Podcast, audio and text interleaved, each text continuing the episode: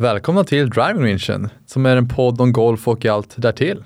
Ja, vi är väl egentligen bara två elitsatsande golfare som vill ta med er på vår resa mot de högsta torerna och där vi pratar om vad vi tänker om under veckorna. Hur är läget Ola? Är det bra? Det var bra tack Martin. Det var bra. Hur är det själv? Ja, men det är under kontroll och du sitter som även förra veckan i eh, norra Carolina.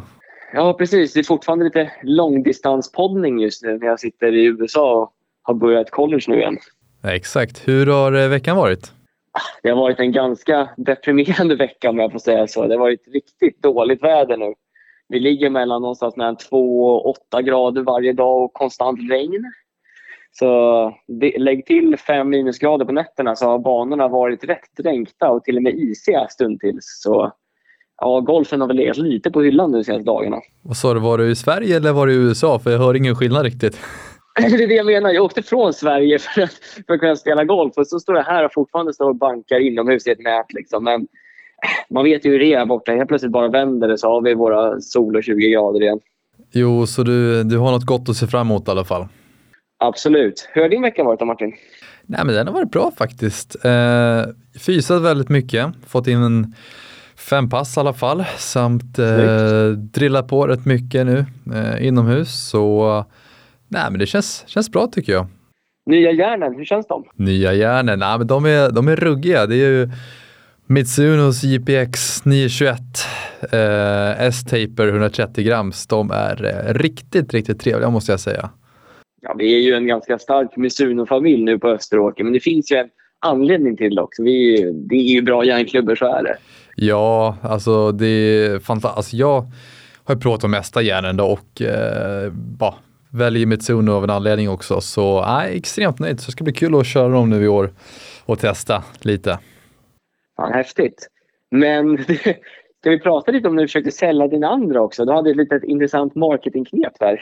Ja, nog för att jag pluggade marknadsföring i USA, men jag uh, chockade mig själv med storm kan jag väl säga. Då. Jag la ut dem på, jag minns inte när, någon gång mitt i förra veckan. La ut dem på kvällen då, svensk tid. Eh, tog lite bilder på dem i gymmet hemma, la ut dem på någon Facebookgrupp och eh, la ifrån mig telefonen en timme kanske, halvtimme. Eh, fick väldigt mycket traction, fick väl ja, 30-35 kommentarer och flera som skrev till mig. Jag tänkte att här, du, det här säljer jag på minuten. Sen så visade det sig att jag inte hade kollat på kvaliteten på bilderna jag la upp då. Eh, så man kunde tro att jag fotade med en, en toast. En, Potatiskamera. en potatiskamera. Eh, så klubborna såg guldiga ut. Så ljuset gjorde så att de såg ut att vara i guld med klubbor. Då. Och ett järnset från ja, kan det vara 2017, 2018 i guld, Mitsuno för 4000 känns det som hittat. Ja, nej, det var ju så kul för jag är ju medlem i den här gruppen. Jag satt och scrollade som jag alltid gör. Och så bara, vad fan är det här? Järnklubben med 30 kommentarer. Nu har jag inte ens sett till Martin än. Så jag bara klickar in på annonsen och bara, fan det är någon som säljer guldiga Mizuno-klubbor till 4000. Och bara ser jag, Martin Westerlund. Jag bara, äh, senaste gången jag kollade så var de inte guldiga när jag spelade med dig i alla fall. Så jag skickade iväg ett meddelande rätt snabbt där. Jag bara, du, det går nog att kolla det här va? Och det var ju fantastiskt roligt. Ja, det var lite, det var, det var lite humor faktiskt. Så en som kommentar så var det och frågade om jag doppat dem i curry. Så... doppat dem i curry. Ja, det var någon sa att man kunde gräva guld i USA också med dem. Nog, nog för att jag har grävt guld med USA i fem år, men äh, ah, där går gränsen. Jag vet inte etiskt rätt kanske, men så jag tog ner annonsen. Slu det slutade med att du tog bort annonsen. Har du lyckats sälja dem sen efter eller hur går det för dig? Jag ska lägga upp dem igen tänkte jag, men jag vill avvakta då dagar och låta stormen spela ut sig om vi säger så. Så inte det kommer upp någon curryförfrågan igen då. ja, det är antingen det eller att faktiskt doppa dem i guld för att det, folk får vad de tror. Ja, exakt. Så ja, nej, men det var lite, det var lite kul. Men så jag har inte sålt några järn i alla fall, men de finns fortfarande till den som är intresserad.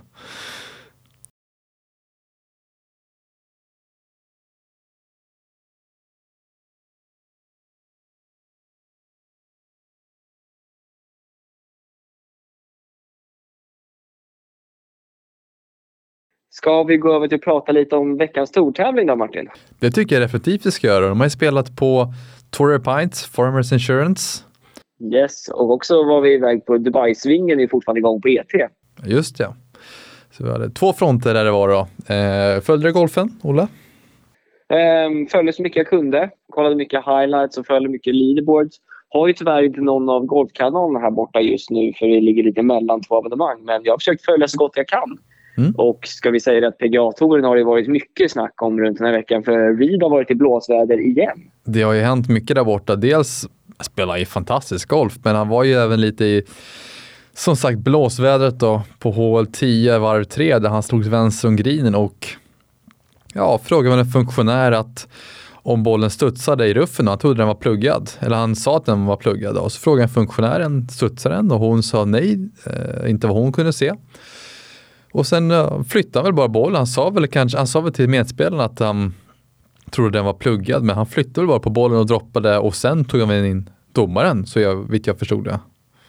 Ja, precis. Och det är ju lite ortodoxt. Att I vanliga fall så är det så självklart att den är pluggad så att du bara tar upp den och droppar om den. Alla är fine med det. Eller så kallar du in domaren medan bollen fortfarande ligger still så får de göra bedömningen. Men det som det har blivit så mycket snack om just nu är att han bestämmer sig för att droppa, ta upp bollen, droppa den och sen tillkalla den en domare och ska då lyckas peka ut vilket hål bollen har legat i den här tjocka ruffen. Och det är väl där spekulationerna kommer till. Varför gör han det just i den ordningen? Även om det är enligt golfens regler att du får göra så, så är det fortfarande lite konstigt. Ja, verkligen. Och samma, eh, Rory råkade ut för samma sak, såg du det? Ja, precis. Han gjorde ju samma sak fast tillkallade inte ens en domare. Han bara droppade av sig själv. Men jag tror lite också så här varför det inte har blivit en sak. För liksom, Reed har en historik där han har fuskat och eh, folk ifrågasätter väl hans karaktär lite. Så därför har ju Reed ett par extra ögon på sig eftersom han har en historik där han har faktiskt fuskat i tidigare tävlingar. Ja, exakt. Trots att han är en så extremt talangfull spelare så har han ju ett litet rykte om att vara en som utnyttjar reglerna till sin fördel på ett inte ett okej sätt. Och det är det som speglar av sig just nu. Att även om det han egentligen gör kanske inte är fel och en domare säger att det är rätt så kommer folk fortfarande tvivla på honom. Ja, och det är lite tråkigt. Så som eh, Sander Shuffle gick ut och sa, jag vet inte om du han ser det Olle, men han sa ju att ja, det är väl inte riktigt rätt. Men eh, han, Toren skydde honom och det är väl liksom that's it. Och det säger kanske lite också att ja, det, det, det, det är svårt samtalsämne det när man inte är där och ser plats heller, när man bara ser på tv, tycker jag. Ja, absolut, så är det ju. Och det är det, Toren går ut och skyddar honom och säger att nej, han gjorde rätt och domarna säger också att han gjorde rätt, men i slutet av dagen kommer ändå ha folkmun som på något sätt det bestämmer vilken image han har. Och, och Shuffley sa ju också det att snacket mellan spelarna där ute är väl inte så vackert runt honom. Men trots allt så går det inte att ta ifrån att han är en fantastiskt talangfull spelare. Det är han ju. Det närspelet och de wedgarna han visar upp den här veckan, det är ju ja, det är världsklass. Det är ju inte mycket mer att säga om det. Nej, så uh, vad säger du? Vi honom en pass på droppen eller vad, uh, vad säger du? Får han en mulligan? Ja, ja han, som sagt, han får väl en mulligan enligt lagens ögon men fortfarande, jag vet inte om hans karaktär och image verkligen går att lita på trots allt.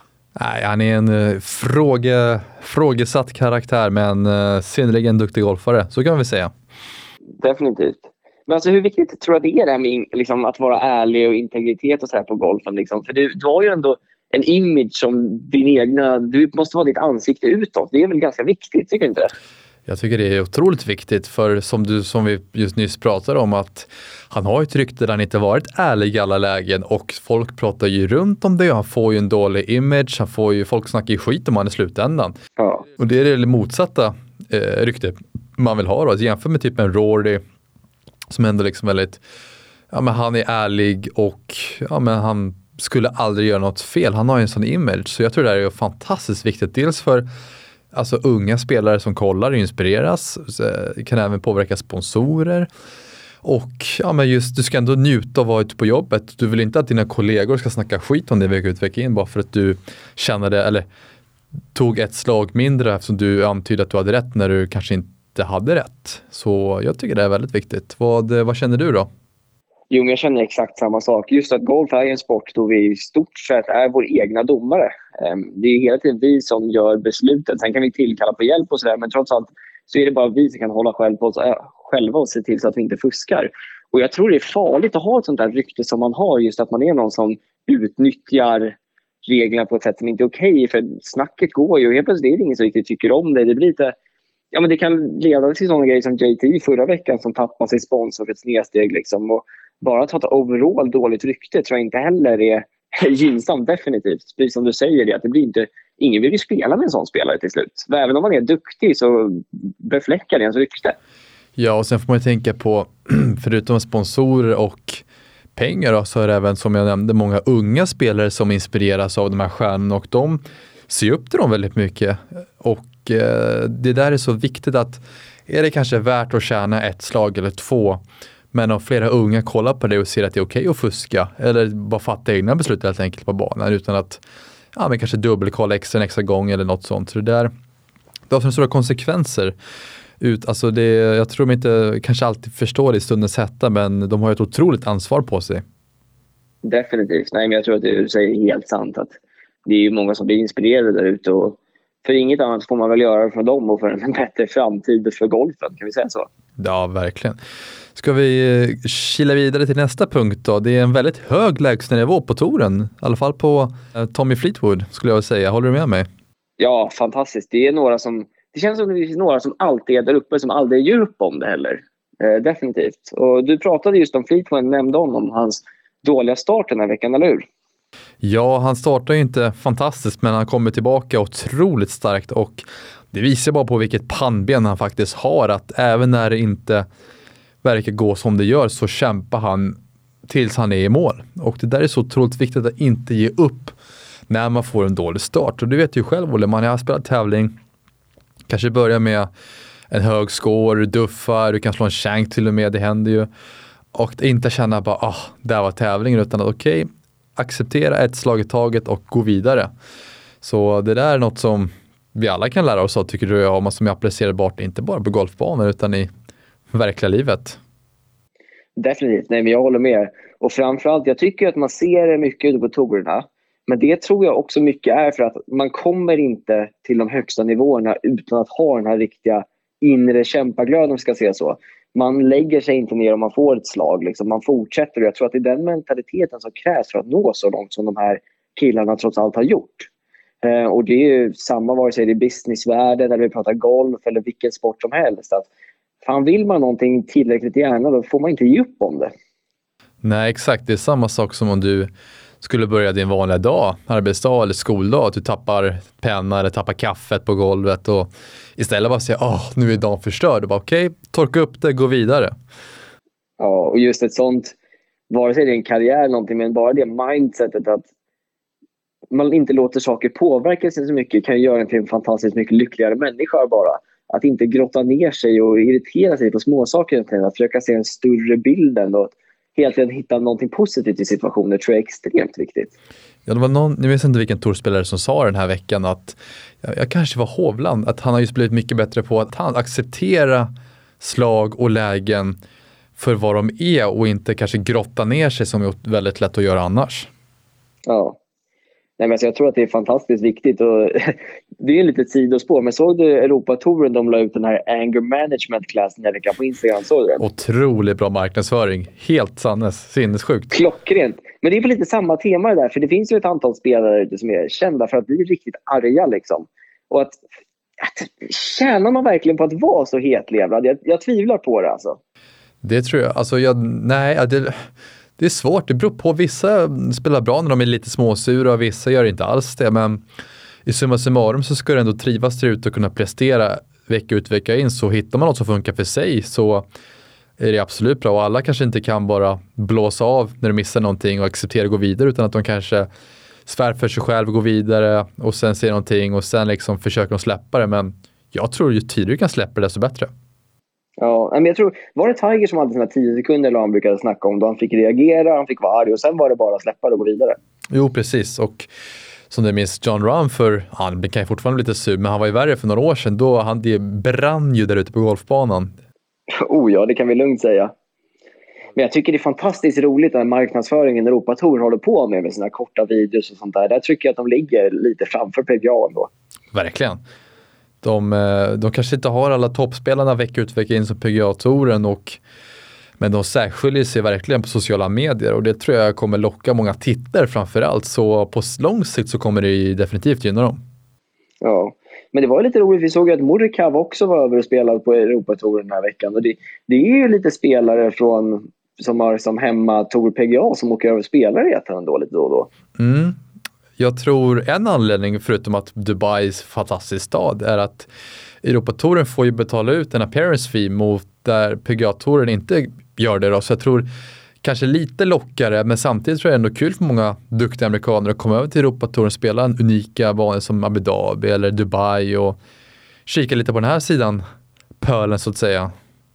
Jo, men jag, jag håller helt klart med om det. Jag tror att det är roligt för dem att till slut att ha lite, lite annat än bara de... Till slut blir det ju samma loop varje år på PGA, liksom, var i USA. Det kan vara kul att se lite annat, andra banor, andra kulturer, uppleva städer också på ett annat sätt. Ja, du, har, du kan inte riktigt jämföra Kalifornien med Dubai direkt i kulturmässigt, så det skiljer sig rätt mycket.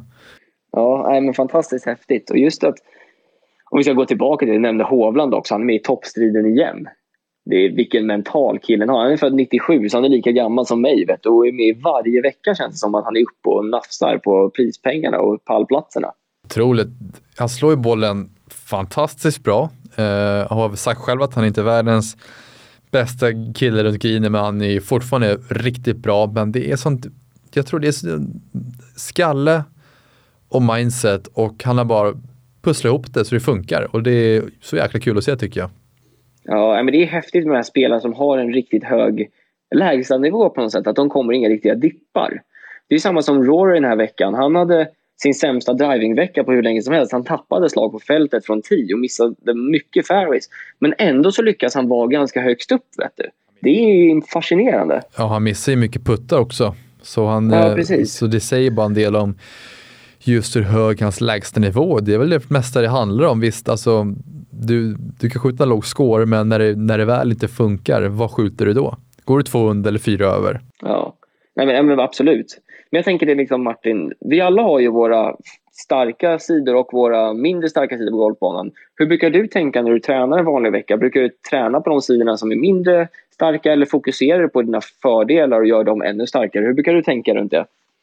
Ja, väldigt bra fråga. Eh, självklart så tränar jag på alla moment då, men eh, jag tror ändå bra att du, du vet vad som i första, första hand, vad är dina starka och svaga sidor så du kan kartlägga lite hur, hur det ser ut, vad behövs fixas, vad behövs, kanske mindre renovering i dagsläget då. Men eh, det är en svår fråga, men jag tror det är viktigt att stärka dina starka sidor samtidigt som du gör dina svagheter mycket bättre. För säg att du kanske är grym från 10 och bra järn men du puttar katastrof. Då kanske du inte behöver stå 5-6 timmar på ranchen om dagen och kanske någonting med puttinggreen. Då kanske det behövs mer timmar på puttinggrinen och sen bara lite maintenance på, på ranchen då. Så som sagt, jag tror det viktigaste är att veta vad man är bra och vad man kan bli bättre på i första hand. Och sen kan man ju se att ja, man kanske behöver lägga till mer tid på närspel eller om det är puttning och sen eh, smala in det lite. Okej, okay, vad är puttningen? Behövs förbättring? Är det startlinjen, riktlinjen? Är det längden? Är det min känsla? Är det min självförtroende? Så man, man kan gå in på det ganska mycket. Men eh, ja, hur tänker jag? Jag försöker väl träna på alla moment just nu i alla fall under vintern och eh, ja, stärka upp grunderna och fokusera på det och sen det är lite svårt när man inte är ute och spelar Så man gör på sommaren, våren och hösten då. Så man vet inte riktigt vad alla delar är då. Men eh, så det är bara att lägga en stabil grund tror jag är rätt viktigt att göra på vintern i alla fall. Vad, eh, vad anser du? Nej, men jag är med på helt samma spår egentligen. För det första tror jag att det är extremt viktigt att förstå sitt eget spel. Eh, just som du säger, att veta vad är mina starka sidor, vad är mina svaga sidor? Och det tror jag att många skulle kunna gynnas av att inse. För jag tror att många kan ha en felaktig bild om hur de egentligen spelar golf man är arg bara för att jag slog så mycket slicer från 10 idag så därför fick jag en dålig score. Men egentligen kanske du hade 40 puttar, men det tänker du inte på. Eh, så jag tror att det är ett tips många skulle kunna ta med sig. Att för en enkel rondstatistik när man är ute och spelar, tänk, det behöver inte vara mer avancerat än att träffade jag, hur många fairways träffade jag, hur många griner träffade jag och hur många puttar hade jag eller hur många up and downs gjorde jag. Börja någonstans där bara och inse vad är det som inte riktigt fungerar. Um, och vad är det jag kan tjäna mest slag på? Och sen just som du säger, att lägga lite extra lampa på det.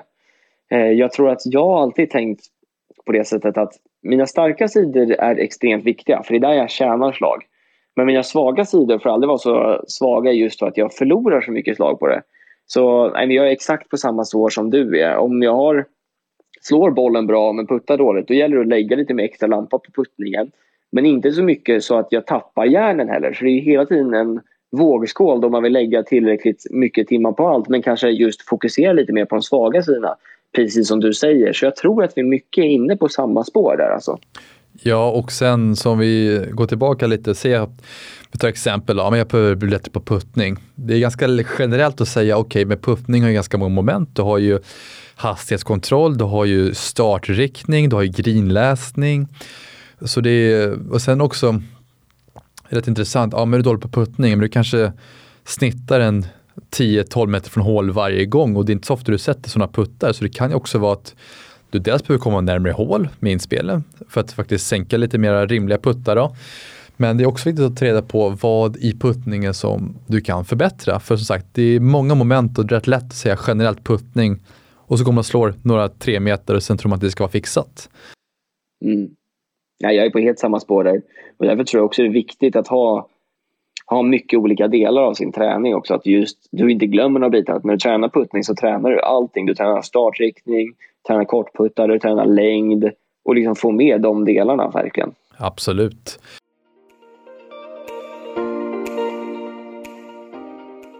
Vad sägs om att gå över till några snabba frågor, Olle? Ja, men ska vi gå tillbaka till lite våra ganska heta snabba frågor och se vad vi tycker om saker och ting? Ja, men exakt. Jag kan ju börja och se vad för, vad för svar jag får. Golfbil eller gå? Team gå, alla dagar i veckan. Jag tycker personligen att, att gå en bana är att uppleva den på riktigt. Det är, det, det är essensen i golf på något sätt, att man är där ute och Nej, jag gillar det bara med tempot och upplevelsen mer. Är du på samma sida? Jag håller med.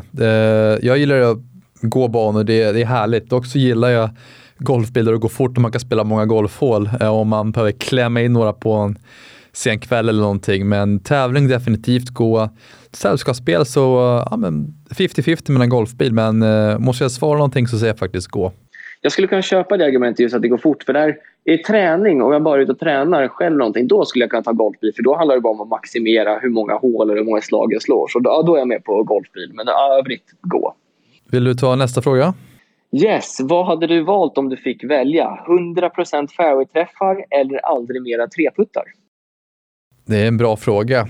Jag, eh, jag tror jag faktiskt går med, eh, ja du, eh, jag trodde jag hade bestämt, det hade jag inte. du har ju all, all tid att förbereda dig nu. ja, jag vet. Eh, nej, men jag, jag, jag skulle faktiskt välja 100% fairway-träffar. Jag trodde jag först hade sagt tre puttar, men sen ha, så räknade jag lite. Jag har faktiskt inte så jäkla många treputtar, utan jag skulle nog ge mig så själv så många chanser från fairway. Eh, folk säger att det går att skåra bra från ruffen och så vidare, absolut. Men jag känner att har jag med wedgar från fairway så kan jag definitivt attackera mer. Så nej, jag går med fairway-träffar. Vad, vad väljer du? Jag tror att jag väljer samma faktiskt.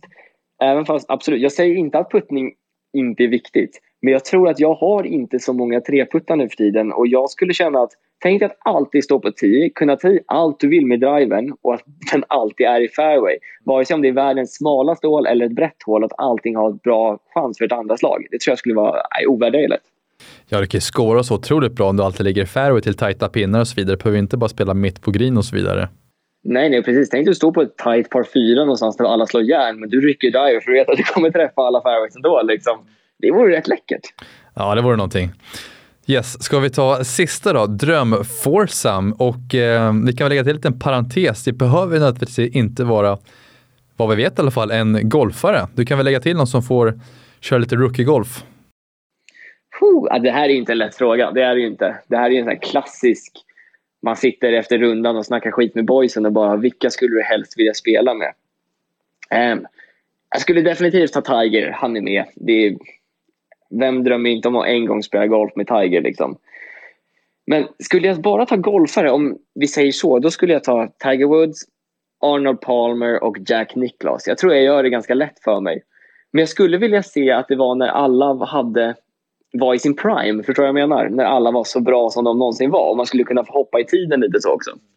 Det tycker jag hade varit fantastiskt intressant att se vad skillnaden är. Visst, det är skillnad i utrustning och sånt där och allting. Men det skulle vara en fantastiskt kul match att se, tycker jag. Vad, vad, vad skulle du välja? Ja, jag skulle nog ta dels Tiger såklart, man vill ju höra lite hur han tänker och så vidare. Då. Sen skulle jag vilja spela med eh, Bryson DeChambeau också, just för att höra hans syn på allting. Han är så otroligt smart så man skulle lära sig ganska mycket tror jag om man fick gå med honom och höra lite. Antingen skulle man lära sig eller skulle man vara så sjukt förvirrad efter de här fyra timmarna så det fanns inte. Du, det, det är en kombination. Sen så har jag faktiskt gett, uh, ingen, vad jag tror är en golfare, men jag hade gett uh, Elon Musk en chans att haka på där och han får hänga med och spela och åka golfbil. Så det hade varit en ganska bra surr den bollen tror jag. Ja, det, det är rätt häftigt. Ja, men som sagt, det finns ju knappt några rätt eller fel på den här frågan. För det finns ju extremt många man skulle vilja träffa. Och just under en golfrunda som är typ fyra timmar så hinner man ju lära känna varandra ganska bra. Det gör man ju. Jag tror Bryson hinner väl beskriva sin puttning för mig på 18 hål. Det kanske tar längre tid, jag vet inte. I alla, alla fall bakåt-stroket hans puttning kan de kunna hinna bränna av på ja, fyra timmar. Ja, men det är så, just, alltså, det är så annorlunda approach till allting. Och han ville verkligen revolutionera golfen med sitt tänk. Så det skulle vara så kul att höra hur en sån kille tänker, för det är så annorlunda. Ja, men som sagt, vi pratar om det här off-podd ibland också, att jag tror det finns både fördelar och nackdelar med Bryson. Men som sagt, vi ska ha ett avsnitt här längre fram när vi just pratar om just längddebatten, då vi får lite andra rösters input på det också. Så det kommer ett avsnitt om det. Ja, absolut, det måste vi ta med tycker jag. Ja, någonting mer du vill ta upp, Olle? Nej, men alltså jag tycker det har varit ganska bra avsnitt och en bra vecka på det. Vad känner du själv? Nej, men jag är som alltid nöjd som sillen. nöjd som sillen? Ah, underbart Martin. Ja, vi kan väl säga som vi brukar att ni får gärna gå in och följa våra sidor på Instagram. Ryberg Golf, Driving Rangen. Och eh, Martin eh, Westlund understreck golf på Instagram heter jag. Och som sagt, följ gärna, som Olle sa, vårt Instagramkonto Driving Rangen där vi kommer lägga upp lite allt från små tävlingar till aktuella saker eh, om podden eller vad vi tränar och kanske lite tips. Precis, så får ni se ännu lite mer dagsaktuellt vad vi håller på med borta och där vi också kommer ha kunna interagera lite med er som lyssnar för framtida avsnitt och kanske någon kul tävling eller något som ligger i loopen. Olle, du får ha en eh, fantastisk vecka i norra Karro så hörs och syns vi. Tack detsamma, det gör vi Martin. Ha det bra, ciao!